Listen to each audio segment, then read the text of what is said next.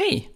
Mikael Grenholm från Jesusfolket här som hoppas att du har det bra trots alla pandemiska omständigheter. Vi kommer ju nu gå in i det närmaste av vad Sverige har varit eh, i när det gäller en lockdown.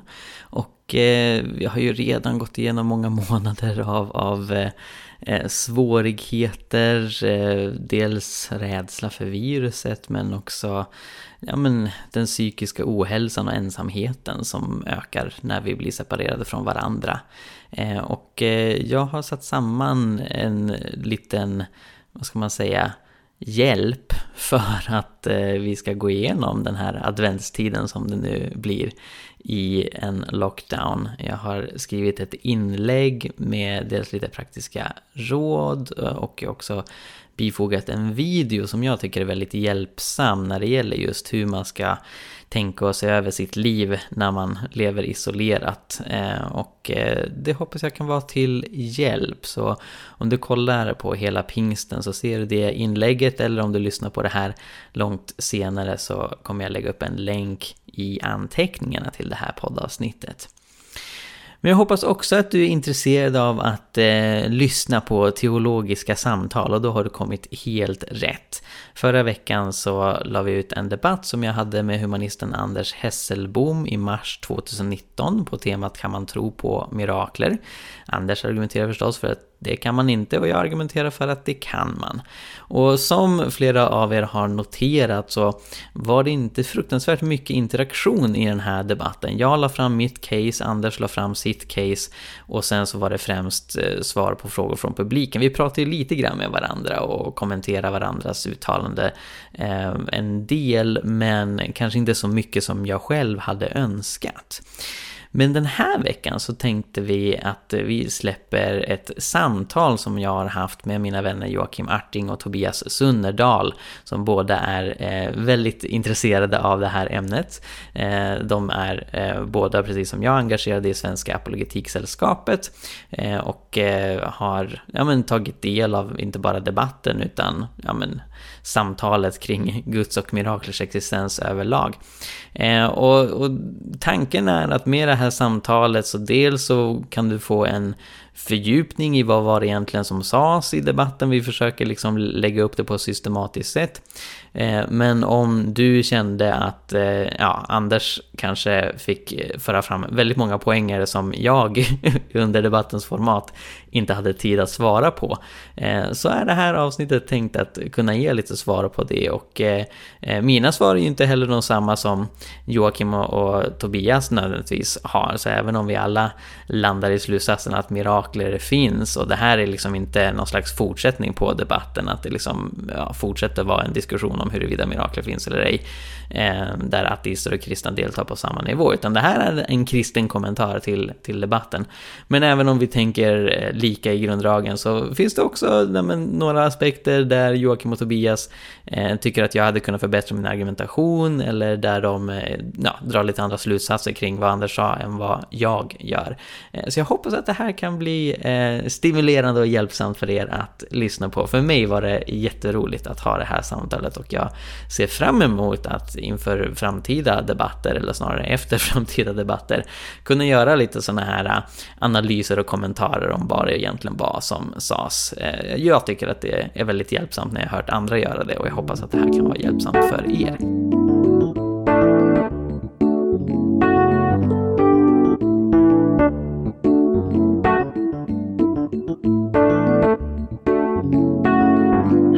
Hallå, och varmt välkomna till Jesusfolket. Mitt namn är Mikael Grenholm och med mig på videolänk så har jag två eminenta gäster, nämligen Joakim Arting och Tobias Sunnerdal. Varmt välkomna. Tack så mycket. Tack. Idag så ska vi kommentera debatten som jag hade med Anders Hesselbom i mars 2019 eh, Eh, med temat Kan man tro på mirakel?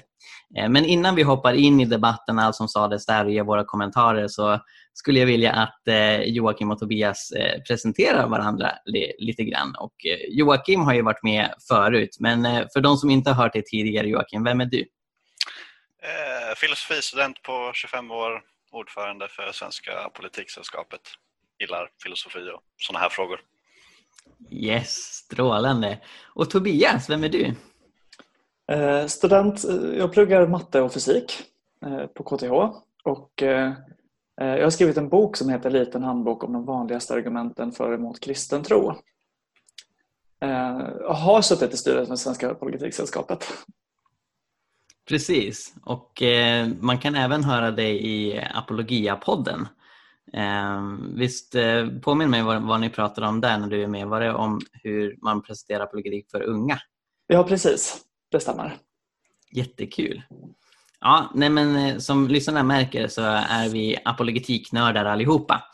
Eh, och för de som inte hänger med på vad den termen betyder så är det då att eh, försvara och förklara den kristna tron som Tobias är inne på utifrån sin boktitel. Eh, och Det är lite utifrån, utifrån den här vinkeln som vi tänkte kommentera debatten som jag hade med Anders. Då är det ganska uppenbart att vi inte vad ska man säga, en opartisk panel utan vi alla tre är överens om att, om att Gud finns och mirakler finns. Men jag tror ändå det kan vara värdefullt att kommentera den här debatten utifrån vårt perspektiv och jag är väldigt nyfiken på vad, vad Tobias och Joakim tänker, inte bara liksom om, om det Anders säger utan även om, om det jag sa och om, om det liksom finns saker som jag kan tänka på eh, framöver i debatter för att liksom stärka argumentationen. Men den här debatten arrangerades av Humanisterna i Örebro som Anders Hesselbom är ordförande för. Eh, och det märktes.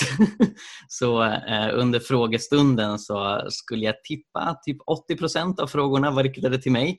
Eh, så det satt ganska många humanister i, i publiken och eh, tyckte det var spännande men kanske också lite provocerande med någon som försvarar att mirakler finns på riktigt. Eh, men det fanns också några på plats som, som eh, var kristna och som eh, ställde kritiska frågor till Anders Hesselbom. Men jag tänkte att vi allra först eh, kan lämna lite kommentarer kring eh, opening statements som man säger på engelska eh, som utgör ungefär hälften av tiden som vi spenderade på den här debatten. Så först fick jag presentera 20 minuter ett case för att mirakler finns och det är rimligt att tro att de finns. Och sen så presenterade Anders sin argumentation för varför han tror att de inte finns. Och Jag tänkte lite kort sammanfatta eh, hur jag argumenterade. Eh, det är en argumentation som Ehm, jag presenterar i mycket större djup i boken Dokumenterade mirakler. Ehm, men eh, ja, i en debatt så har man inte hur lång tid på sig som helst så jag var liksom tvungen att kondensera det hela. Ehm, och min argumentation hade egentligen två steg. Så först argumenterar jag för att det finns det jag kallar för VOTEB, vetenskapligt oförklarliga tillfrisknanden efter bön det är lite kul så här att få lansera ett begrepp till världen när man skriver en bok. Eh, så Voteb är liksom en central del av, av det dokumenterade miraklet handlar om. Och det jag försöker visa där är att även en ateist kan hålla med om att Voteb finns. Så när jag satte mig ner med Christer Sturmark i samband med att jag skrev den här boken och eh, frågade honom liksom, ja, men kan du hålla med om att det finns tillfrisknanden som sker efter bön som saknar vetenskaplig förklaring? Så sa han ja. Så det i sig behöver inte vara kontroversiellt för en ateist att säga. Sen tror inte en ateist att, att det är mirakler. Eh, men Voteb kan ändå vara liksom någon slags neutral eh, utgångspunkt för den här diskussionen. Så jag visar att det finns en hel del sådana här Voteb. Eh, pekar dels på fall som jag då presenterar i min bok men också vad Candy Gunther Brown, en professor på Indiana University, har presenterat. Eh, och eh, Jacqueline Duffin, en eh, kanadensisk eh, doktor i medicin som har skrivit mycket om katolska helande mirakler. Och jag visar att ja, men det, det verkar finnas en hel del sådana här voteb. Och sen argumenterar jag för att det är osannolikt att alla voteb beror på okända naturliga fenomen. Vilket skiljer mig från till exempel då Christer Sturmark som menar att alla voteb beror på okända naturliga fenomen. Det vill säga vi har ingen vetenskaplig förklaring, för dessa tillfrisknanden idag men vi kanske får det i framtiden därför att det finns något naturligt här som inte är upptäckt. Och återigen för att eh, sammanfatta det hela och ni får ju lyssna på debatten för att få en mer längre utläggning kring detta. Jag presenterar fem anledningar till varför jag tror att det är osannolikt att naturalismen kan förklara alla boteb. Eh, det första är att mirakler är inte omöjliga och många naturalistiska filosofer håller med om det här. Visst, vi tror inte att mirakler finns, men det är teoretiskt möjligt att de sker. Eh, två, naturalismen har en uppförsbacke här. Eh, så det räcker med att jag som mirakeltroende säger att ett voteb är ett mirakel då finns mirakler. Medan naturalisten måste säga att alla boteb har naturliga orsaker och, och det är ett svårare case att göra. Den tredje anledningen är att okända förklaringar i allmänhet betraktas som osannolika. Så normalt eh, när vi liksom Säga att vi, vi inte vet, eller, eller så här, om, om, ett exempel jag brukar ge är att om jag säger att det är ljust och varmt på dagen, inte på grund av att solen lyser utan på grund av något annat som vi inte känner till för vi kan inte veta vad det är. Så skulle jag tro att de flesta säger nej Mikael, du har nog fel. Eh, därför att en känd förklaring som att solen lyser är mer sannolik än att det skulle vara något okänt. Även om det inte är omöjligt att det skulle vara en okänt. Vi kanske har fått allt liksom om bakfoten och egentligen har solen ingenting att göra med att det blir varmt på dagen. Så det är lite så jag tänker där. Eh, den fjärde anledningen är att Voteb ser väldigt olika ut. Om allt hade liksom en naturlig orsak så borde vi förvänta oss att Voteb har mer gemensamma komponenter än vad de har men i, i själva verket så kan Voteb se ut på väldigt olika sätt. Och Det handlar om massa olika sjukdomar och, och skador och så vidare som, som blir helade efter bön. Och sist men inte minst, flera Voteb kombineras med andliga upplevelser som att man hör Guds röst eller ser en syn av Jesus och så vidare. Och Normalt brukar naturalister skjuta det därifrån sig och säga att det är bara inbildning och det, det, kan man inte ta på allvar. Men när det förenas med tillfrisknanden som vi vet har eh, eller saknar vetenskaplig förklaring enligt läkarna så stärker det tesen att åtminstone vissa boter beror på mirakler. Så det var min argumentation i ett väldigt litet nötskal. Nu, nu är jag nyfiken Tobias Joakim. Tycker ni att det finns någonting som jag hade kunnat presentera tydligare eller om, om det finns någonting som jag kan göra för att den här argumentationen ska bli starkare? För jag vet att ni redan håller med om min slutsats men eh, finns det något som jag ändå kan förbättra i sådana här debattsammanhang? Vem ska börja? Alltså, det, min, min, mitt förbehåll är väl hur långt man kommer. Alltså jag håller med om punkterna. Mirakler är inte logiskt omöjliga. Eh, och det, det, kommer bli viktigt sen när vi diskuterar Anders, för allt som inte är logiskt möjligt går teoretiskt att ha evidens för. Eh, men det, ja, det vad Anders pratar om, det, det, verkar han inte köpa på något vänster. Så, men vi kommer till det, så, så det gillar jag. Eh, jag gillar också ditt påpekande över det, ateisten har en större börda att bära egentligen. Du behöver bara bevisa ett, ateisten måste förneka alla. Eh, visst. Sen det här med okända förklaringar betraktas i allmänhet som osannolika. Eh, visst, det gör de. Eh, men en naturalist kan ju lika gärna säga att, ja, men att, att en, över, en övernaturlig kraft gör någonting, det, det är en icke-förklaring.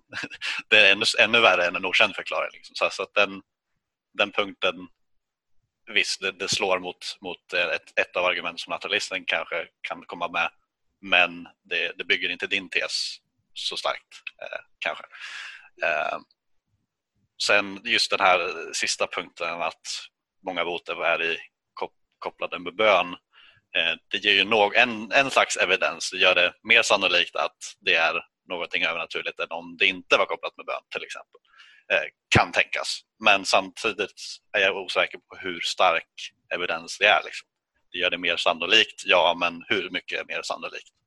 Eh, det känns som att man skulle vilja ha lite mer att, stå på där. För annars, alltså det, det är ganska svårt att om man bara har det att gå på och, och säga att det här måste liksom vara Alltså skulle lika gärna kunna vara sammanträffande. Eh, mm. Det känns som att man vill ha någon extra pusselbitar. Nej, men jag, jag, förstår vad du menar och, och, det är liksom något som jag lägger på på slutet för att liksom ge och ytterligare en grej. Det blir liksom ett kumulativt case. Ja. Liksom enskilt i varje case så kan jag peka på ett exempel som är med i boken är Jens Sjöström, fotbollsspelare i Umeå. Ja. Eh, som hade svår hjärnskada och blir frisk i samma ögonblick som hans vän Lydia ber för honom flera kilometer bort. Ja men precis och där har du ju den här eh, kumulativa som du sa, du har fler, du både tajmingen, ja. eh, förutsägelsen och så vidare. Alltså sådana här eh, små detaljer som tillsammans gör ett starkare case. Så det, det, det köper jag helt.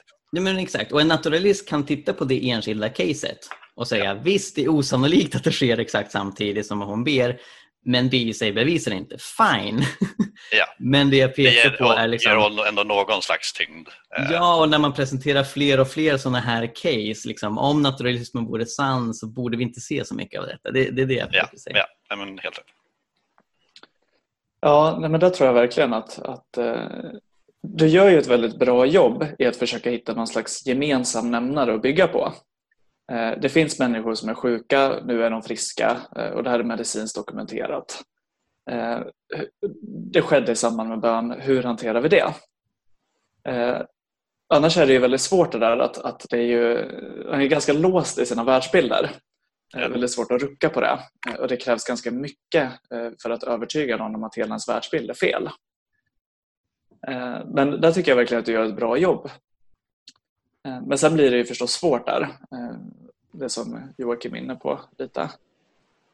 Eh, och det där med andliga sånt där, det, det, det talar ju väldigt starkt för. Det, det lägger ju på tyngd i, i din skål på balansvågen, eller vad man ska säga. Att det blir mer, eh, mer sannolikt. Eh, Frågan är ju en naturalist, hur mycket tyngd har den i den andra vågskålen från början?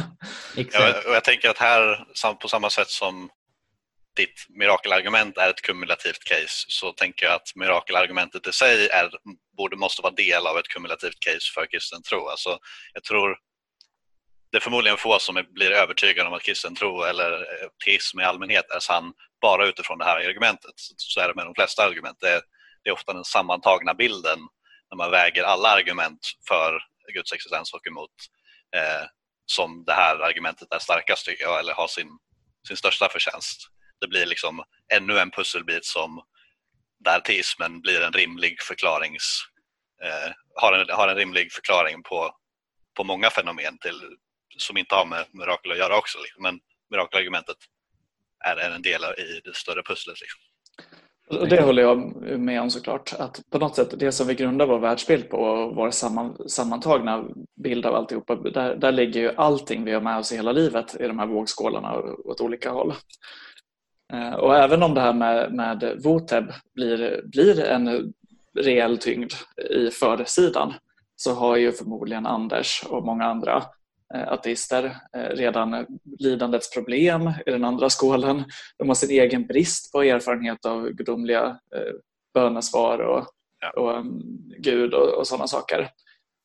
Eh, Och så har de förmodligen också lite så idoldyrkan av Richard Dawkins. Alla de här, och det blir liksom stora tyngder som, som man har mot sig redan från start på något sätt. Just det. Hur många argument för Guds existens är det du har med i din bok Tobias? 26 argument. 26, ja. Så det finns en del. Det gör det. ja, men precis, precis. Det finns Ja, en men- akademisk bok som kom ut nyligen, eh, eller ja, inte nyligen, men för ett tag sedan. eh, A dozen or so arguments for the existence of God. Eller. Ja. Ja, precis. Den som bygger på Plantinga. Ja, precis. Just det. Ja, men strålande. Eh, ja, och sen det här eh, alltså, som du är inne på Joakim, eh, som jag använder liksom eh, ja, mirakelargumentet i boken. Så liksom, jag går ju så långt att jag säger utifrån detta är det rimligt att tro att det finns en gud. Eh, och sen stannar jag där. Jag försöker skissa på att man kanske på ett alternativt sätt kan använda mirakler för att argumentera just för den kristna guden. Men det är inte det jag fokuserar på utan likt till exempel Kalam-argumentet, ett kosmologiskt argument för Guds existens utifrån att universum börjar existera så liksom kommer man till okej, det finns en gud. Och sen behövs det andra argument för att liksom specificera okej, vilken gud är det?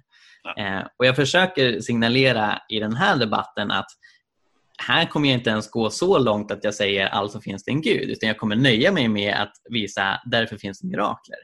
För sen behöver man argumentera på ett lite annat sätt att gå från mirakler till Gud. Eh, det uppfattade Anders som att jag vill utelämna Gud ur debatten på grund av att det skulle vara obekvämt eller något sånt där. Så, så när han inleder sin presentation så säger han men själv tänker jag inte lämna utanför Gud för den här diskussionen.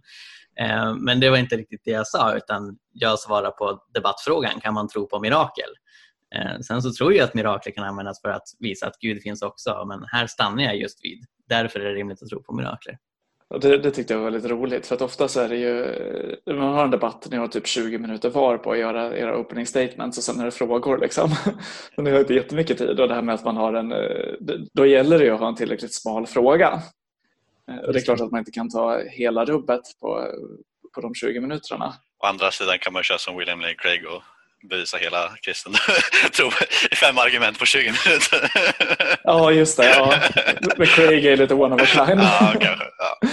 Det är han som kan det. Liksom. Ja, Men Ja. eh, jag, jag tror ändå att det kan finnas en stor poäng det här med att, att eh, jag tänker kommer man så långt så att man lyckas övertyga någon om att mirakler finns då, då måste det finnas en förklaring till de miraklerna och då har man ju på något sätt öppnat dörren. ja, och då har man någonstans redan undergrävt naturalismen. Så, Precis, då, då är eh, naturalismen falsk. Och vad finns det då för kandidater? Att, att en gud som utför de här miraklerna, är den dörren redan öppen så blir ju det här eh, historiska caset kring uppståndelsen väldigt starkt. Exakt. An- Annars så är det ju att hur Annars så- håller ju en naturalist i regel med om att eh, varenda tänkbar förklaring till, till de historiska fakta vi vet är eh, helt makabra och har otroligt låg sannolikhet. Men att, att eh, i och med att man redan på förhand har bestämt sig för att Gud inte kan ha gjort det så, så blir alla förklaringar bättre på något sätt. Så kan man bara få loss den låsningen där så, så tror jag att, att eh, det argumentet kan få väldigt stor kraft. Mm. Ja, absolut. och då är man ju verkligen hemma sen. Ja men exakt. exakt. Eh, vi ska gå vidare till Anders presentation och, och först har jag en allmän fråga utifrån eh, Eh, det då jag presenterar. Tycker ni att Anders Hesselbom någonsin egentligen under den här debatten svarar på min argumentation att det är osannolikt att alla eh, boter beror på okända naturliga förklaringar? Eller eh, kommer han ens i närheten av att svara på den frågan? Jag, jag tycker inte han svarar på det. Eh, och jag hade önskat att få lite respons från honom på det som du sa. Eh, att han, han kommenterar inte, vad jag la märke till i alla fall, om huruvida han tror att mirakler är omöjliga eller inte. Den kan man ju ta för givet att han står bakom det som Christer Sturmark har sagt i den frågan kanske. Eh, Jo, då, men han, han, han säger eh, vid en punkt att, eh, att han hävdar att det inte finns några övernaturliga ting. Till exempel. Ja, ja, precis. Men, Men, men att, Nej, att jag, tror, jag att tror inte han säger att det är logiskt. Nej, det tror jag inte han säger. Nej. Eh, Sen, säger han att han inte tror på det såklart och det är Ja. ju en förutsättning för hela debatten på något sätt. Men han kommenterar inte den här uppförsbacken som du menar att han har. Ehm, han kommenterar inte det här med okända förklaringar i allmänhet. Han säger ingenting om det här med eh, att de ser olika ut och, och det där. Eh, Och där, där kan jag tycka att ateister brukar ju vara väldigt för att prata om det här med vem som har bevisbördan och hit och dit. Så jag tycker att det här att du säger att han har en uppförsbacke, att det borde vara någonting som man nappar på och försöker ge någon, skjuta lite på den bevisbördan. Det, det är lite sån här klassisk eh, naturalistisk debattstil. Men, men jag saknade det. Ja, och jag tycker han, eh, han pratar om religiösa dåliga exempel på hur religiösa tänker. Eh, eller exempel på hur religiösa tänker dåligt snarare eh, i allmänhet eh, utan att engagera med Mikaels eh, argument specifikt. Så det blir liksom den här, alltså han sä- sätter upp massa hamngubbar egentligen som inte har med någonting av det Mikael sa att göra utan han, han klagar på att religiösa allmänhet annars eh, och så gör han ett svepande eh, eh, blanket statement liksom, om, om alla. Liksom, säger så här argumenterar alla, alla troende utan, och ignorerar egentligen vad Mikael säger. Så det, det saknas lite integra- interaktion där. Eh, Mm. blir, blir på ett mer allmänt abstrakt plan och inte så mycket direkt eh, knutet till vad du säger. Nej, men Jag gissar- precis. Och det är väl eh, till viss mån på grund av debattens upplägg som Just. per design hade väldigt lite interaktion. Vilket jag hade glömt bort. Alltså det här var ju ett år sedan som vi hade den här debatten så jag återvände till den nyligen och jag blev förvånad över hur lite vi får interagera med varandra utan det mesta är ju frågor från publiken. Och där tror jag också det här att, att ni har ju varsitt opening statement på 20 minuter. Eh, Så jag gissar att Anders hade förberett sina 20 minuter. Han hade ett precis färdigt med vad han ville säga och som, eh, som han körde på eh, med sitt program. Eh, Och att det där blev så att, att eh, det inte fanns plats eller, eller förmåga att i den stunden råda om på det där för att, för att svara på just det som Nej, Mikael det- sa. Det, det är fair. Och det, så det, det är väldigt förståeligt men, men det är väldigt beklagansvärt också för det blir ju inte mycket av en debatt på det sättet om man inte kommenterar någonting som den andra säger. Å andra sidan hade han ju tillfälle att läsa Mikaels bok och förbereda sig på vad Mikael skulle säga ungefär. Han hade faktiskt inte det därför det här, den här debatten hölls innan boken var Ja, det var så publicerad. till Ja, men då så. Ja. Men jag tror, jag tror att jag skickade över till honom material, liksom så här, ja, delar från bokmanus och, så, och sådär. För att jag Okej. ville ge honom en chans att, att interagera med mig. Okej. Ehm, nej men sen så, så uppfattar jag det också som att han har sitt opening statement som han har förberett. Precis på slutet så låter det som att han försöker kommentera det jag säger. Ehm, så så han, han kommer in på att eh, korrelation inte är kausalitet. Alltså bara för att någon har blivit frisk i samband med bön betyder inte att bönen orsakar det. Fine, Ja. håller med om det. Ja. Eh, sen säger han, varför inte bara nöja oss med att vi inte vet?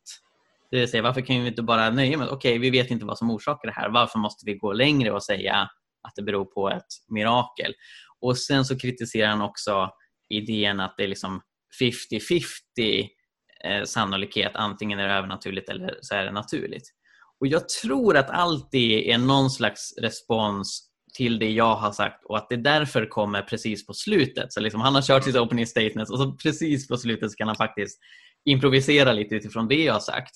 Eh, I vart fall låter det så när jag lyssnar på det. Men, men eh, tyvärr så är det ju ingenting som griper tag särskilt bra i, i det jag har sagt. Eh, Nej, till exempel det här med 50-50. Alltså, min enda poäng är att så länge det är osannolikt att alla voter beror på naturliga fenomen så finns mirakler.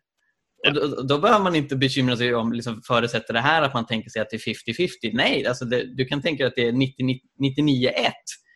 Men om det fortfarande finns ett mirakel så har naturalismen spruckit.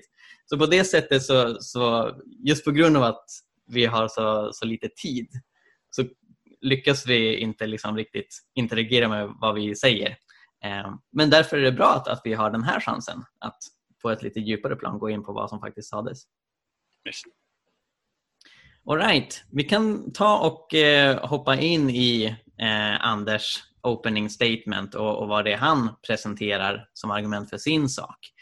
Eh, I början så säger han en hel del saker som verkar teckna en gemensam grund mellan mig och honom. Så till exempel så när han presenterar sin definition av mirakler så låter den närmast identisk med den jag har, alltså händelser som inte enbart beror på, överna- eh, på, som inte enbart beror på naturliga fenomen eh, eller övernaturliga händelser.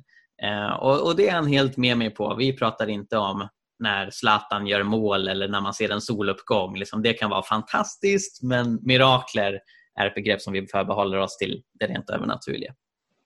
Men sen så kom han in då, då på sina argument. Jag tänkte vi kunde börja med något som återkommer egentligen flera gånger under hans presentation men som även dyker upp ganska tidigt. Och Joakim har varit inne lite på det också. Eh, mirakler ger bränsle åt religioner, det ger legitimitet åt religioner. Och religioner strävar efter makt. Så religionerna är inte några opartiska bedömare på det sätt som Anders tänker sig att vetenskapsmän är. Och därför bör vi direkt vara väldigt skeptiska till mirakelpåståenden därför att det leg- legitimerar eh, makt eftersträvande personer och organisationer i form av religiösa. Nu, Joakim, vi kanske kan lämna över eh, ordet till dig. Vad tänkte du om, om detta argument?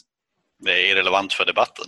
Det slår inte, inte mot dina argument överhuvudtaget. Det är bara alltså det är att flytta argumentationen från, från sakfrågan till personerna som framför argumenten. Det är, det är argumenten i sig, sakfrågan i sig, inte personen som framför det som är intressant i en debatt.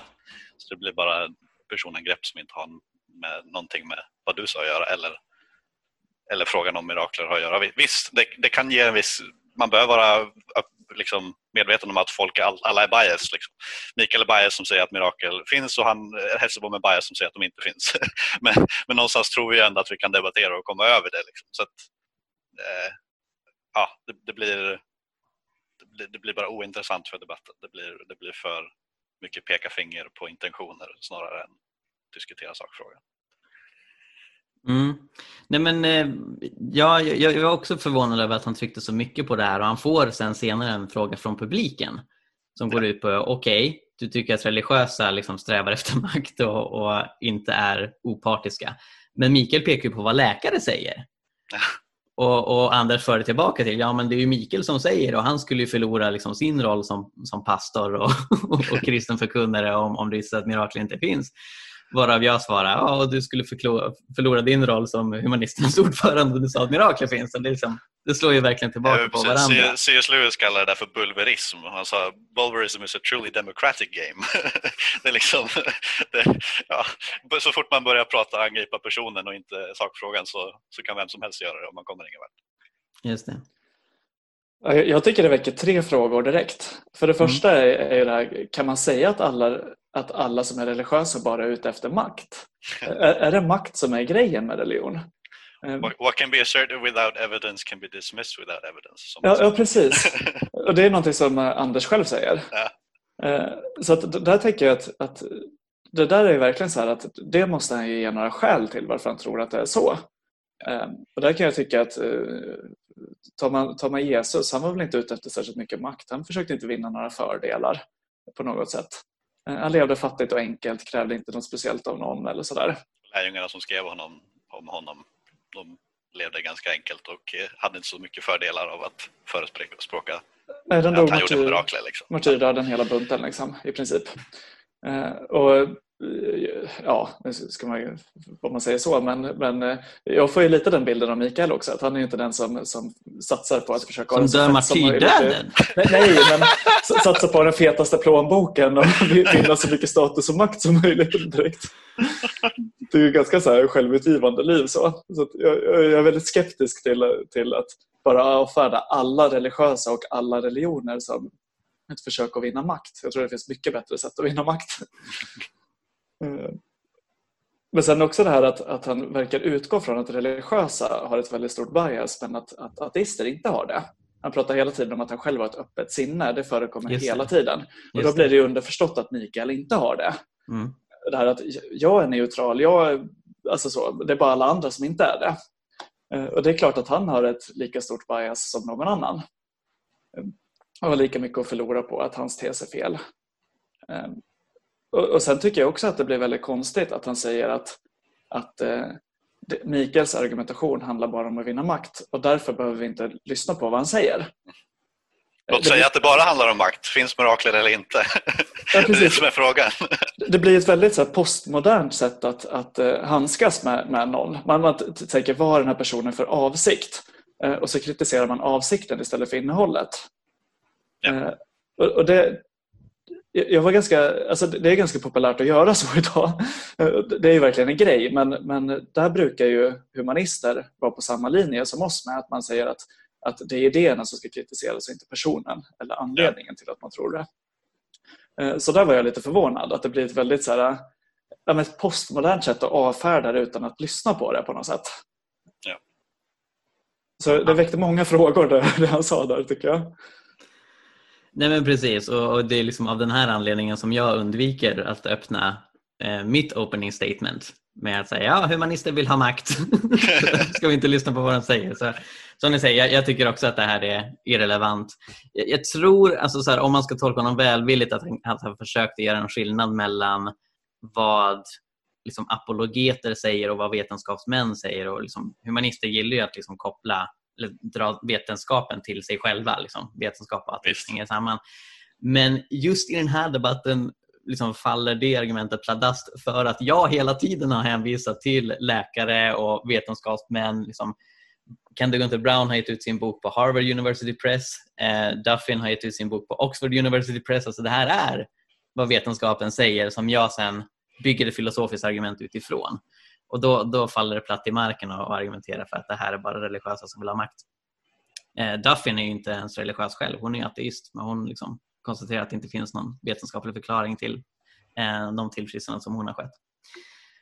Eh, all right, vi kan gå vidare till en annan sak som Anders säger ganska tidigt i eh, sitt statement. Eh, och Det är att förklaringar till en händelse måste rimma med annat som vi tror oss veta. Orimliga påståenden kan inte styrkas med andra orimliga påståenden. Och Här förstår jag honom som att han presenterar en annan uppförsbacke för den mirakeltroende. Att, att den mirakeltroende måste hävda att här finns det saker som inte beror på något naturligt trots att det finns så mycket annat som vi vet har naturliga förklaringar. Och, och det, det tycker jag Anders inte funkar utan om vi presenterar en förklaring till till exempel ett tillfrisknande så måste det rimma med allt andra vi vet som enligt Anders är det som har naturliga förklaringar. Vad tycker ni om det argumentet? Ja, det beror på vad är det vi vet sen innan. Liksom. Vet vi att naturalismen är sann, ja men då är det klart, då, då kan det inte vara något, då är det ju en icke-naturlig förklaring. Men nu är det det vi ska diskutera. Så, alltså det, det han tar upp som exempel är så här mirakel, eller kristna som bygger sitt påstående att Jesus eh, är Guds son på att han gick på vatten ungefär. Så bara, ja, men om han gick på vatten då var han ju Guds son. Liksom. Men att argumentera så vore ju också eh, vore ju att argumentera i en cirkel och det är helt rätt. Men på samma sätt så är det att argumentera i en cirkel att säga eh, liksom, mirakler sker inte, därför sker inte mirakler. Alltså, det är det vi ska diskutera här. Och Mikael, vad jag uppfattade, eh, gjorde inga sådana påståenden och sa att hej, här ska vi tro på mirakler för att Gud finns. Eh, utan du pekade på, hej, här har vi några eh, konstiga händelser som vetenskapen inte förklarar, som har en religiös kontext, som kanske pekar på att mirakler faktiskt sker. Det kanske finns en övernaturlig kraft som, som påverkar det. Men då är det där man ska diskutera, inte Alltså återigen, det blir den här allmänna svepande förklaringen av religiösa som gör dåliga argument, eh, men inte så mycket engagemang med vad Mikael sa. Jag håller med dig Joakim. Eh, jag hade önskat där någonstans att, att eh, för det första att han förklarar med att det här med att en förklaring måste rimma med vad vi vet. Ja, men vad är det vi vet då? Ja. Och på vilket sätt måste det rimma med det? Det förklarar han inte riktigt. Men också det här med att orimliga påståenden inte ska styrkas med andra orimliga påståenden. Vad är orimligt? Jesus gick på vatten och hit och dit. Ja. Men där är också den här frågan att, att ja, men vad, på, på, vilket sätt är det som det som Mikael sa, på vilket sätt gjorde Mikael precis det? Eh, för det tycker jag inte att han visade eller kommenterade utan han sa bara så här kan en religiös tänka och jag har aldrig mött någon religiös som tänker på det sättet. Det känns lite som en halmgubbe. Och så säger man därför tänker alla religiösa så här hela tiden. Att jag, jag får lite den känslan när jag lyssnar på det men han förklarar inte varför det som religiösa faktiskt säger är på det sättet. Eh, och det tycker jag att han, han att det måste man kräva av honom för att ta det på allvar. Nej men verkligen, det blir som att för honom så är det så uppenbart att det enda som vi vet, det enda som är rimligt, det är naturen. Och därför så kommer varje påstående att här har skett något övernaturligt framstå som orimligt. Jag förstår att han tänker så som naturalist. Men jag skulle inte säga att det är att ha ett öppet sinne. Därför att liksom någon som är liksom renodlad marxist kan uppleva det som fullständigt orimligt att en konservativ analytiker skulle ha rätt. Eller det är liksom, vi, vi vet inte att kapitalismen fungerar och, och sådär. Men alltså, det enda det säger är, ah, okej, okay, du som marxist eller naturalist eller vad du nu är, du är jätteövertygad om, om din världsbild och har otroligt svårt för, för att det orimliga skulle vara sant. Jag gjorde citationstecken när jag sa orimliga för de som lyssnar på detta. Eh, men ja, det, det, säger inte så mycket om vad som faktiskt är sant. Det säger bara vad Anders subjektivt tycker är orimligt. Och på så sätt så är det inte så hjälpsamt i, i diskussionen. För det är klart vem som helst kan, kan hålla med om att ja, vi ska inte tro på orimliga påståenden. Men det är just vad som är orimligt Precis. som är själva frågan som vi debatterar. Precis. Så man kan inte bara peka på att ah, mirakler är orimliga. Därför vann jag. Okej, okay, vänta, vad händer nu? Ja, det blir väldigt så här, inte bara det här vad är det vi vet utan också vilka är vi egentligen i det ja. påståendet. Eh, tittar man på historiskt och eh, över hela världen så är det ju de som tror att allting måste vara eh, ja, bara bero på naturliga förklaringar. De är ju i klar minoritet. Ja. Sen finns det en annan falang som menar att allting har andliga förklaringar. Att naturen knappt ens är verklig om man tittar på eh, hinduism och buddhism och sådana eh, mm. traditioner. Eh, så jag tänker där är vi som kristna i någon slags mellanposition att vi tänker att måste det vara det ena eller andra, varför kan det inte vara både och? Mm. Och det tror jag inte behöver vara en särskilt extrem position. Det är väl snarare så att de som säger att det bara är materia eller att det bara är ande är de som är lite på kanten och lite extrema. Nej men precis, och det här var också något som jag lyfte senare i debatten. Att naturalister är en minoritet historiskt och idag. Och det är inte per automatik ett argument för därför har de fel, för en minoritet kan ha rätt. Men det om något borde ju leda till en ödmjukhet om att okej, okay, det jag tycker är orimligt, det jag anser mig inte veta, det är inte nödvändigtvis den objektiva sanningen utan eh, jag, jag bör lyssna in vad andra har att säga.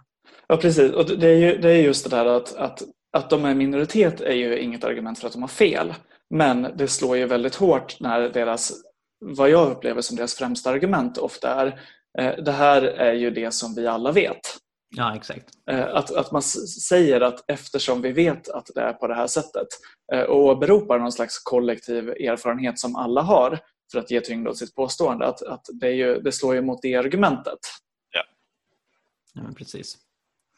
Um, vi kan hoppa vidare till en annan poäng som relaterar till detta som man gör några gånger. Och Det är att peka på Ockhams rakkniv.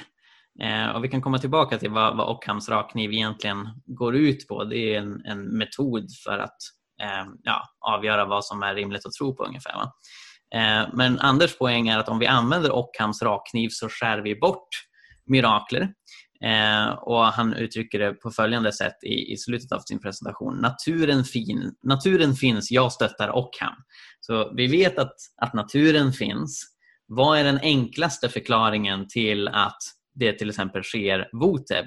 Jo, det är att naturen ligger bakom dem också, men vi har inte kommit på vad det är än. Så genom att sträva efter den enklaste förklaringen till verkligheten, vilket var Ockham argumenterade för, så utesluter vi mirakler. Mirakler blir för komplexa och jobbiga att inkludera i vår världsbild.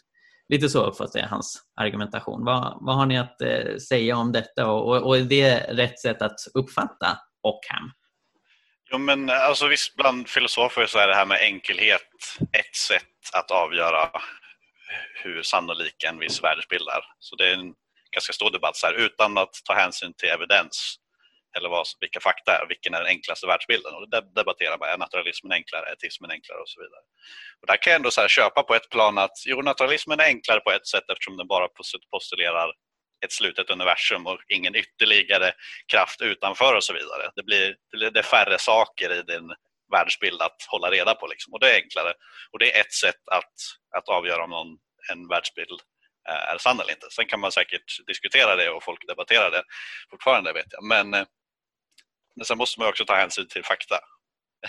C.S. Lewis sa vem som helst kan vara enkel eh, om man inte bryr sig om fakta. Liksom. Alltså någonstans du, det, även om din förklaring är enkel, det är kanske är enklare att förklara att Gud gör allting än eh, att Gud interagerar på precis varenda punkt eh, i universum för att flytta runt allt och eh, det är kanske är änglar som fixar gravitationen och sådär men eh, på något plan kanske du kan göra det så att det är ett enklare argument men du måste också ta hänsyn till vad är det vi faktiskt observerar, vad är det, vad är det vi faktiskt ser.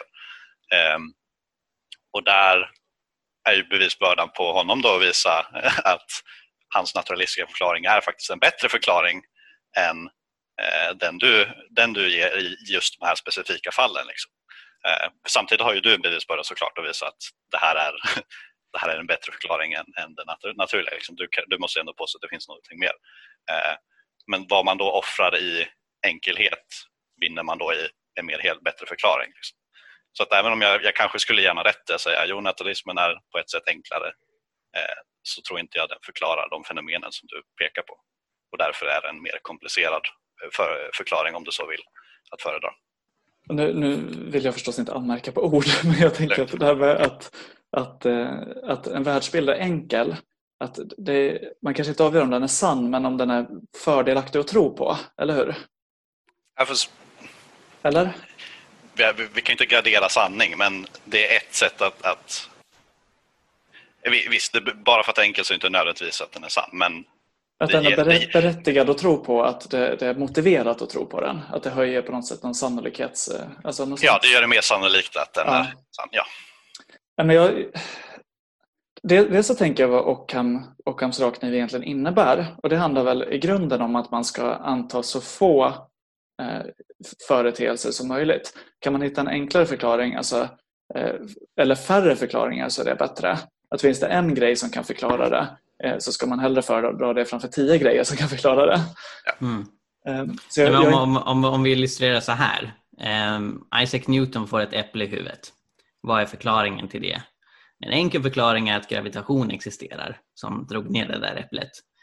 En svårare, kom, mer komplicerad förklaring är att en osynlig jätte knuffade en osynlig giraff som landade på en osynlig skateboard som åkte in i trädet och skakade till det och därför landade äpplet på Isaac Newtons huvud. Eh, liksom, vad, vad, ska man ta? Om, om man struntar i liksom alla bevis för det ena eller det andra utan bara liksom on the face of it tittar på dessa två förklaringsmodeller så är gravitationen enklare. Och då menar då Ockham, därför är den mer sannolikt sann än alla dessa osynliga saker som puttar på varandra. Ja, precis. Eh, men det jag funderar på är om, om det automatiskt är så att naturliga förklaringar är enkla och övernaturliga förklaringar inte är det. Ja, eh, och det är, det är en diskussion man kan ha definitivt. Jag tycker inte det är självklart. Det tycker jag att man måste, att man måste argumentera för. Eh, och det, mitt intryck av Anders är att han, han bara säger att det är så och tar det för givet. Jag tänker man, man skulle ju kunna säga att, att Gud skickar ner äpplet. Det, det, är en relativt enkel förklaring. Sen kanske man inte tycker att den är bra men, men den är mycket enklare än, än eh, ja, man, man, kan ju ta en sån här harang som Mikael precis drog fast eh, med helt naturliga saker. Mm. Eh, det skulle ändå vara en ganska komplicerad förklaring på något sätt. Mm. Och I och med att man hänvisar till Ockham. Ockham var ju var han franciskanmunk? Jag vet inte. Det, det, något sånt i alla fall. Det, det, går, det är en googling bort. Eh, men han var, han var fall... inte medlem i Humanisterna Örebro i vart fall. Eh, det, det får man verkligen igenom. Eh, så att han, han var ju definitivt kristen och trodde på Gud. Ja, han, var, han var franciskanmunk. Han, han var det? Ja, vad bra, då kommer jag ihåg rätt. Så där tänker jag att man kan, det blir väldigt konstigt att säga ja men här har vi ju Ockham och enligt Ockham så ska vi inte anta några övernaturliga förklaringar. För att Ockham säger att vi ska bara tro på naturliga.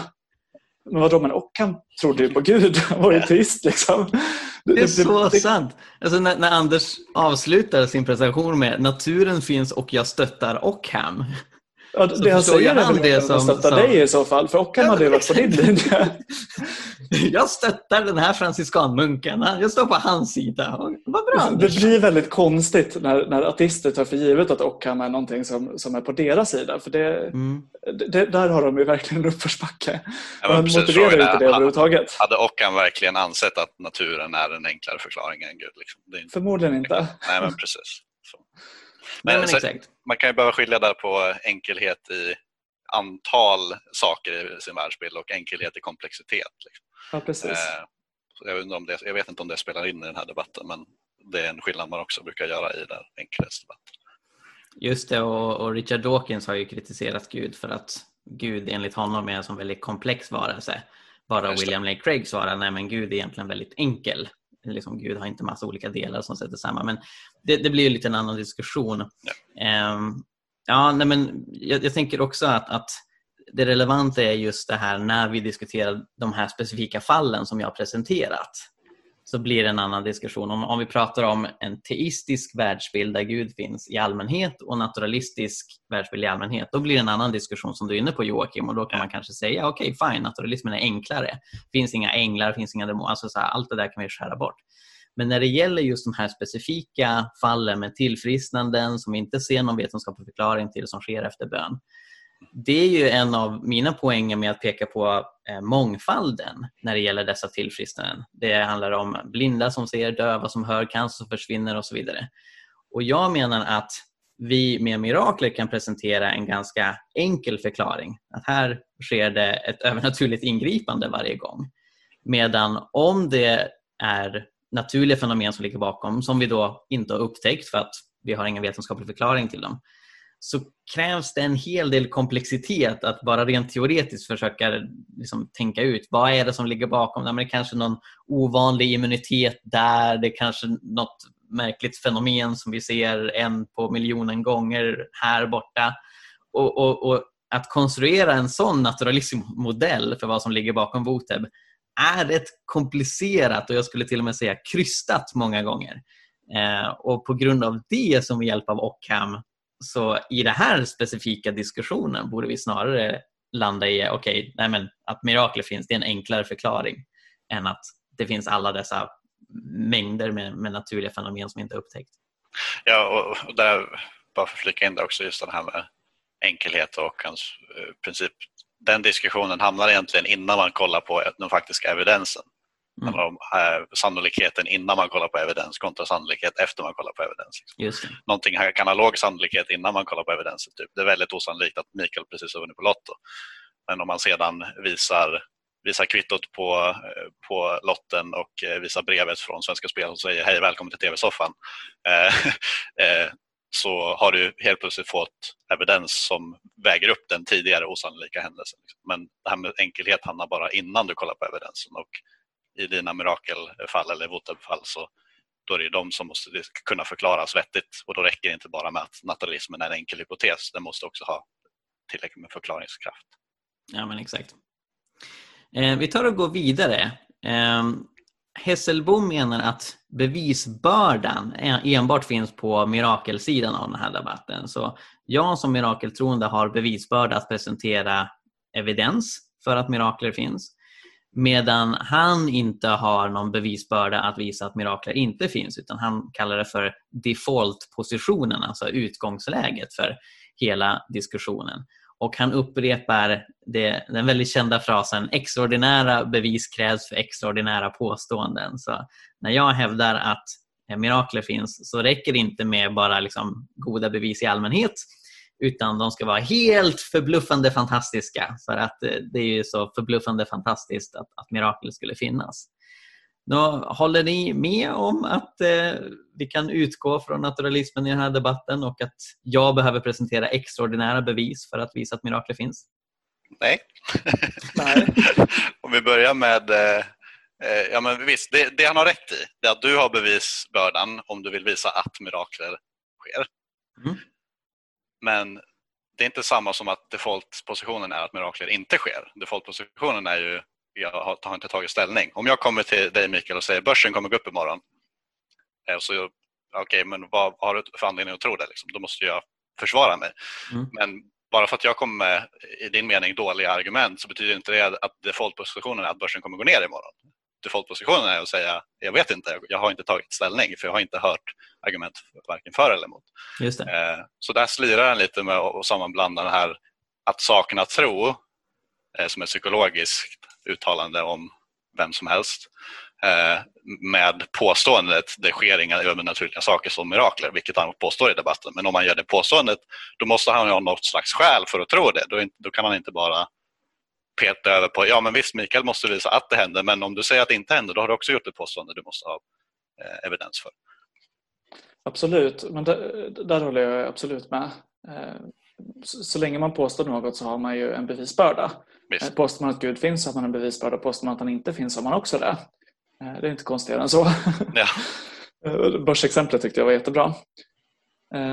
Och jag, jag, tror att det han lutar sig på när han vill säga att naturalism är någon slags default-position det är ju säkert den här allmänna kollektiva erfarenheten från det som vi alla vet, som vi redan mm. har kommenterat. Mm. Att han utgår från att det är någon slags självklar neutral förhållningspunkt för nästan alla människor. På något sätt. Ja, han, kopplar, han tar exemplet med enhörningar på månens baksida. Han knyter samman det i samma resonemang och säger att ja, men, eh, så här, be, motbevisa att eh, det inte finns några enhörningar på månens baksida. Bara, ja, men, jag tror inte på enhörningar. Nej, just det, säger han. Ja, men vänta nu. Att, att, här, enhörningar finns, inte på, eller finns på månens baksida. Eh, det är inte bara så att de flesta saknar tro på det. De flesta har aldrig ens tänkt tanken. Men så fort folk hör det så inser de att jag har ganska många goda skäl att tro att det inte finns enhörningar på baksidan av månen. Eh, så då använder de ett exempel där vi inte bara saknar tro rent allmänt och inte behöver bevisbörda utan där vi faktiskt har goda skäl att tro att det inte är så. Eh, och Det är just det, den slirningen som man verkar göra hela tiden. Eh, att gå från jag saknar tro till att påstå det här sker inte, det här finns inte det är inte samma sak. Om man skulle ko kommentera det här med att, att extraordinära händelser kräver extraordinära eh, bevis eller vad man ska säga. Eh, det, det, är en väldigt det, det, är, det är något som låter väldigt intuitivt och bra vid första anblick. Ja. Eh, men jag är väldigt skeptisk till om det verkligen är så vi jobbar vanligtvis. Eh, vi kan ta till exempel det som, som du var lite inne på Jocke med, med lotten. Ja. Eh, vi säger att, att, alltså, att Mikael vinner 300 eh, miljoner på en lott. Det är ju otroligt osannolikt. Och givet den här, den här principen så skulle det krävas otroligt spektakulära bevis för att någon ska tro på det. Eh, men det är ändå så att, att eh, ser vi på TV att Mikael med nummer någonting har vunnit ett lotteri så är vi fullt nöjda med de bevisen. Ja. Det, det, krävs egentligen inget mer. Och det är ju liksom Eh, när man tittar på det här med sann, alltså det räcker med goda bevis för att vi ska tro på någonting som är extraordinärt. Eh, det behöver inte vara extraordinära bevis. Eh, och när det kommer till sannolikhet så får man ju, så, alltså med sannolikhetsteori så ställer man upp det här superfint för att ta hänsyn till det. När man tittar på sannolikheten för evidensen givet händelsen som på något sätt får balansera upp det på något sätt. Ja. Så det, det, det, tar inte riktigt hänsyn till sannolikhetsteori och hur vi hur vi eh, jobbar i den vanliga världen med vanliga, vanliga osannolika påståenden. Skulle man tro på det så, så, kan man inte tro på några osannolika påståenden överhuvudtaget. Men osannolika händelser händer ju. Eh, osannolika naturliga händelser. Och de tror ju Anders också på. Ja, men precis. Det, problemet med frasen är att definitionen av extraordinär är väldigt vag. Ja. Extremt, extremt subjektiv och otydlig. Eh, så här, vill, vill, man definiera det som någonting som aldrig har hänt för ja, då har du helt plötsligt, helt plötsligt inbegripit alla händelser någonsin bara du definierar dem tillräckligt. Det här samtalet har aldrig hänt för. Så den kan inte vara en rimlig definition. Men om man tar då, Tim, Tim McGrew pratar om det här, en jättebra eh, intervju med eh, Capturing Christianity. Han är professor i filosofi och kunskapsteoretiker specialiserad på sannolikhetslära. Duktig. Eh, men han, han tänk, provar att stilmärna det här. Men det kanske är en händelse som per definition är sällsynt. Men hur går det från att någonting är sällsynt till osannolikt? Eh, osannolikt? För det är exakt det du var inne på Tobias. Det här att vinna på Lotto i allmänhet är väldigt sällsynt. Eh, det är väldigt osannolikt, eh, det är väldigt osannolikt om du så vill att, att Mikael vinner på Lotto.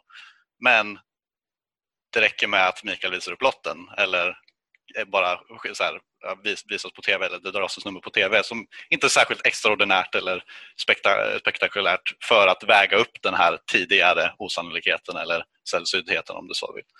Eh. Just det, ser man på tv att något nummer har vunnit ett lotteri så är det jätteosannolikt. Men då får man ju väga upp det, den sannolikheten, balansera upp den med sannolikheten att eh, det här numret presenteras som vinnare eh, givet att det har vunnit. Precis. Ja men exakt. Jag tycker också att just att prata om extraordinära bevis blir ett sätt att på ett väldigt vagt sätt flytta mållinjen så långt bort så att man aldrig faktiskt behöver konfronteras med, med bevis som är goda. Men jag tycker det är konstigt att argumentera för att goda bevis räcker inte. Eh, därför att normalt så räcker de ju. Sen förstår jag att, att man tycker att ja, jag behöver bra bevis för ett sånt här påstående i kontrast till om, om någon säger till mig ja, eh, liksom AIK vann med 3-4. Alltså, nej, man vill inte med 3-4, men ni, ni förstår poängen. Alltså, olika påståenden har olika bevisbörda. Jag fattar den principen, men som ni är inne på, att, att lägga ribban vid extraordinära bevis, det blir på ett väldigt flummigt sätt att, att egentligen hävda att ja, bevisen räcker aldrig vad du än presenterar. Det blir ett ganska konstigt sätt att argumentera. Eh, jag tänker vi går vidare. Vi har nämnt det där med, med enhörningar på månens baksida. Ganska gulligt exempel, men som ni är inne på. Det, ja, någonting det någonting han sa där var också att här, det kan inte styrkas. Enhörningar på, enhörningar på månens baksida kan inte styrkas på samma sätt som mirakler. Eh, vilket också är märkligt, för det, det tycks uppenbart att det går att hitta bevis för enhörningar på, enhörningar på månens baksida. Ja. Så det var, det var en konstig parallell han, han drog överlag. Men, men för att ja. säga någonting jag sa tidigare, är någonting logiskt möjligt så kan du teoretiskt ha evidens för det. Ja, nej men verkligen. Så, verkligen. Ja. Och sen precis efter våra opening statements hade vi lite, lite tidsutrymme att ställa frågor till varandra. Och då frågade jag Anders just om det här varför han anser att naturalismen är neutralt i kontrast till agnosticism, att inte veta, att vara öppen för att mirakler kanske finns eller så finns de inte. I synnerhet när han själv betonar att vi ska ha ett öppet sinne så många gånger. Och hans svar gick ut på vi vet inte vad som orsakar de här fenomenen. Alltså borde det vara en naturlig förklaring. Det ska vara defaultpositionen. Men jag vet inte om det ska vara så. Det bara brukar vara så. Vilket är ett ganska märkligt sätt att svara. Men, men det, liksom, det illustrerar den här brottningen att å ena sidan vill han stå för öppenheten och vidsyntheten i debatten Men han vill också argumentera för att vi ska utgå från att naturalismen är sann och inte tro att mirakler finns. Eh, och Han knyter samman detta och det här var något som jag verkligen strök under i mina anteckningar.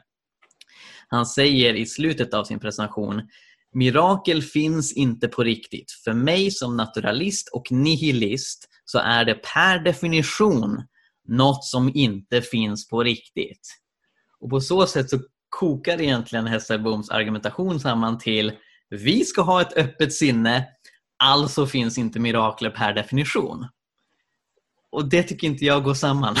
Här måste han välja. Ska vi ha öppet sinne eller ska vi mena att, att mirakler kan per definition inte finnas? Fast där, där tycker jag ändå man kan, om man ska tolka honom lite mer välvilligt, så alltså det här med öppet sinne. Jag, jag har ett öppet sinne för att det kan finnas eh, enhörningar på månens baksida.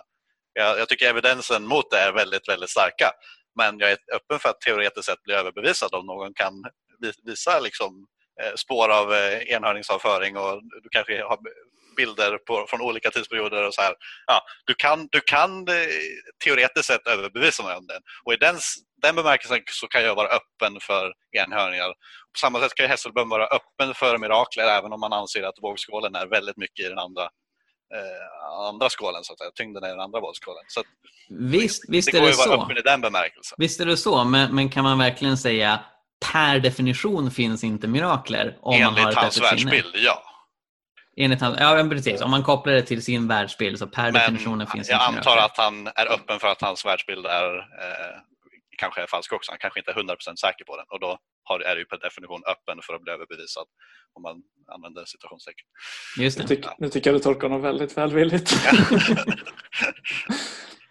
Mirakel finns inte på riktigt. För mig som naturalist och nihilist eh, är det per definition något som inte finns på riktigt. Det, han säger är ju egentligen inte att det inte finns utan det han säger är att för honom finns det inte. Oavsett om det finns eller inte. Ja, men för mig, jag tolkar det bara som en så här, om min Ja. världsbild är sann så finns det inte mirakler. men så kan det vara. Visst. Om man ska kny- knyta an till det här med öppet sinne. Jag tyckte det var så roligt att eh, det var nog precis på slutet som han fick frågan om det här. Eh, eh, och Det var säkert det avslutnings... eh, Är det okej att jag går händelserna i förväg nu när vi ändå är Sure, inne på kör det? på. Eh, Och då, jag, jag satt och funderade hela debatten här på något sätt. Att han, han kom alltid tillbaka till det här med öppet sinne. eh, Samtidigt som han verkar väldigt låst i sin världsbild. Eh, Och det är ju inte konstigt egentligen. Men då när han, när han pratade om vad han menar med öppet sinne så, så, sa han, jag skrev ner det citatet för jag tyckte det var så spännande, att våga se verkligheten som den är. Att det är det som är ett öppet sinne. Mm. Och då funderar jag, vad, hur blev det så egentligen? För då är ju inte det han menar med ett öppet sinne, det är ju, för det första så utgår han redan från början att det han säger, det är så som verkligheten är. Och Mikael ser inte verkligheten som den är. Eh, och att det är på något sätt någon utgångspunkt och inte någonting han kommer fram till. Eh, men också det här att då är ju inte öppet sinne en inställning till det man möter, att man är öppen för nya idéer, utan då är det bara att man råkat ha rätt. Man ser verkligheten som, som den är. Man kan ju vara hur arrogant som helst och stängd för allting men ändå råkat träffa rätt. Och då har man ett öppet sinne enligt den definitionen. Just det.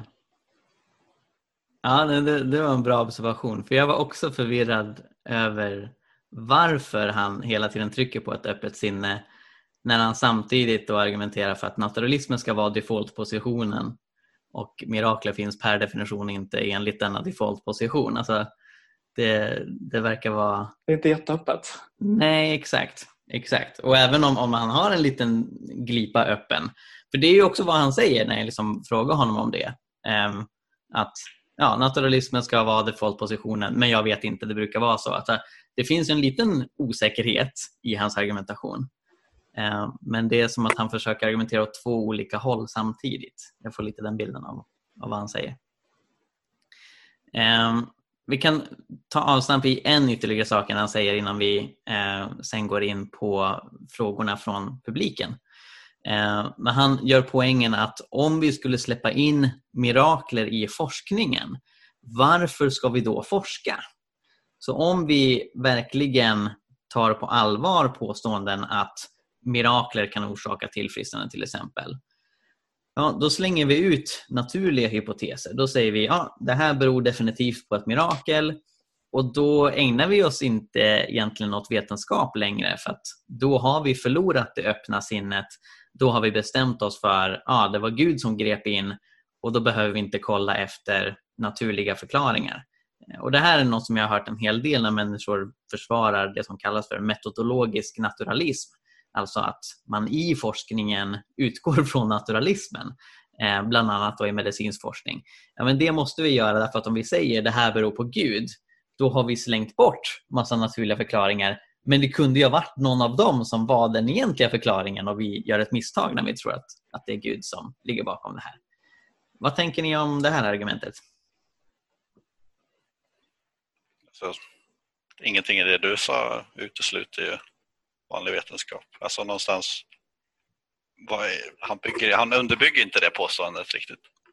Så var, varför tro att så fort vi tillåter att det kan finnas en övernaturlig kraft som ibland gör saker som inte eh, naturlagarna räcker till för att förklara till exempel. Varför tro att det skulle sätta naturlagarna ur spel, att de inte är relevanta, att vi inte behöver forska vidare någonstans. Jag ser ingen motsättning där. Mm. De flesta de tidiga vetenskapsmännen var ju själva troende och trodde på eh, naturligt ingripande, övernaturligt ingripande och hittade ändå eh, lagar i naturen och eh, regelsammanbund, eh, sam, vad heter det? regelsammanbund så heter det inte. ja, ni fattar vad jag menar. Eh, regelbundenheter kanske. Så att, eh, nej, jag ser ingen motsättning alls. Jag skulle också önska att han underbyggde det påståendet lite. Eh, och där tänker jag också, precis som du säger där, att vi kan ju titta på eh, den samlade erfarenheten. Är det så att kristna har varit dåliga vetenskapsmän? ja, kanske inte. Alla de här stora vetenskapliga pionjärerna trodde ju på Gud. Och Det innebar ju inte att de, att de satt med armarna i kors och sa det finns inga naturliga förklaringar, det är bara Gud hela tiden. Så jag tycker inte det finns någon motsättning där. Och Eh, Eh, jag tycker att man har en väldig uppförsbacke om man påstår att det är så att folk kommer sluta leta efter naturliga förklaringar för att man tror att Gud kan ingripa. Eh, när vår samlade erfarenhet visar tvärtom. Mm. Nej, men precis, för att det är som att han utgår från att allting har naturliga orsaker och det vore en katastrof om vi betraktar övernaturliga förklaringar som en legitim förklaring. Därför att då hittar vi inte den egentliga naturliga förklaringen som gömmer sig någonstans där borta. Han utgår ju lite Ja, nej, men, men om man istället inte utgår från att naturalismen är sann, om man är öppen för att det övernaturliga kan finnas, då framstår det för mig som väldigt konstigt att på förhand bestämma sig för att nej, men, övernaturliga förklaringar kan aldrig vara giltiga. För då får man egentligen samma problem som Anders Hesselbom är rädd för, nämligen att man presenterar någonting som inte är en förklaring som den sanna förklaringen. Det vill säga, tänk att det faktiskt var Gud som grep in och gjorde en person frisk. Men för att det inte är accepterat inom vetenskapen att man hänvisar till Gud så utmålar vi istället det som ja, men det berodde på självläkning eller spontan remission. Då får man ju samma problem som Anders Hesselbom är rädd för fast problemet är inte att man har utmålat något naturligt som övernaturligt utan tvärtom. Man har utmålat något som egentligen var övernaturligt som om det vore naturligt för att man inte accepterar övernaturliga förklaringar. Och det blir samma problem. Eh, jag tänker att Anders är lite inne på att det måste vara allt eller inget. Antingen är allt naturliga förklaringar eller så blir allting övernaturliga förklaringar. Mm. Eh, varför kan det inte vara lite av både och? Ja, och det nämnde du i debatten och han hänvisar till, ja men du säger att det finns båda, säger han lite kort vid ett tillfälle. Eh, mm. Men han kommenterar inte det ytterligare. Så det skulle vara, ja, han skulle behöva reda ut det lite mer. Varför är det ett ohållbart eh, synsätt som du har, Mikael, framför? Det, jag tänker att det är lite det det utgår ifrån. Att är det så att, att om det finns en övernaturlig förklaring till någonting så kommer man inte hitta någon naturlig förklaring till någonting. Ja, man, man är lite ett... rädd för den här uh, guard the gaps, eh, använda Tor för att förklara åskan igen. Liksom. Ja. Eh, men ja. Ja, precis. Um, har, ni, har ni någon annan ytterligare övergripande kommentar om Anders presentation innan vi går vidare? Jag tyckte den var är lite besviken, det var lite för svepande tycker jag. Eh, tog lite för enkla poäng. Liksom. Ja, men så här, eh, religiösa bara, bara, det är svårt att motbevisa, motbevisa orakel för religiösa kommer bara komma med ad hoc-förklaringar. Liksom, så här. Eh, ja, men Gud är mot logiken. Nej, men Gud står över logik. Liksom. Den, den grejen. Jag, jag har inte hört så många som argumenterar så. Eh, även om jag vet att det är folk i kyrkohistorien som har tagit den, den linjen så eh, Nej, det, det var lite, lite för allmänt, lite för svepande och inte så mycket interaktion med ditt material. Och jag håller med. Jag tycker också att det var, det var väldigt mycket halmgubbar, väldigt svepande utan att, utan att riktigt... Eh, eh, precis som du sa det här med att när man visar att Gud är logiskt omöjlig så säger folk att, att Gud helt plötsligt står över logiken. Jag tänker så här, men är det, är det någon som har visat att Gud är logiskt omöjlig? Och vilken kristen apologet från 1900-talet har då sagt att Gud står över logiken? Ja. Eh, det känns lite som att han sätter en så här eh, tolvåriga pingstvänner på internet som förespråkarna för teism på något sätt. inget, inget ont om. Vilken burn för tolvåriga pingstvänner på internet. Nej, jag tycker tolvåriga pingstvänner är fantastiska. Jag har själv varit den, så jag känner mig träffad. det, det, var bara... Det, det, det känns inte alls bra. Nej, men jag förstår vad du menar. Jag, jag tänkte att man är 12 att man inte har tänkt igenom allting. man är pingstvän, det innebär att man är väldigt så här, eh, from och gärna evangeliserar. Att det är internet. Det är låg kvalitet. Ring brandkåren, släck elden. Oj, ja, förlåt alla 12-åriga pingstvänner. Det var personligt.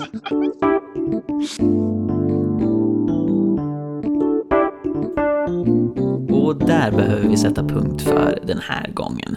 Mitt samtal med Joakim och Tobias fortsatte. Vi kom in på frågorna från publiken som ställdes under debatten och kommenterade dem och det kommer ni få höra nästa vecka.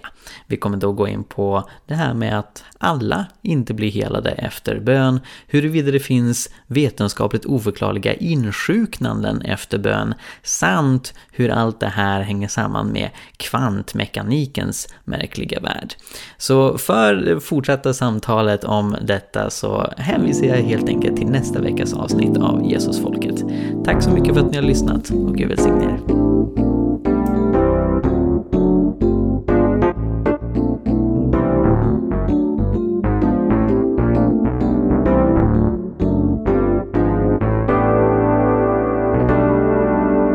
Tack så mycket för att du lyssnade på Jesusfolket.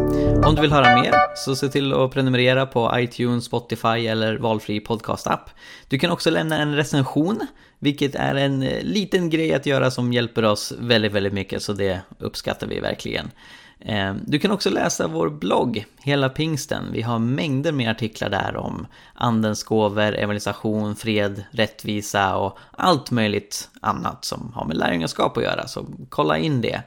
Och vi finns på sociala medier, du kan följa både Jesusfolket och hela pingsten på till exempel Facebook. Tack så mycket, Gud välsigne dig och eh, fortsätt vara en del av Jesusfolket.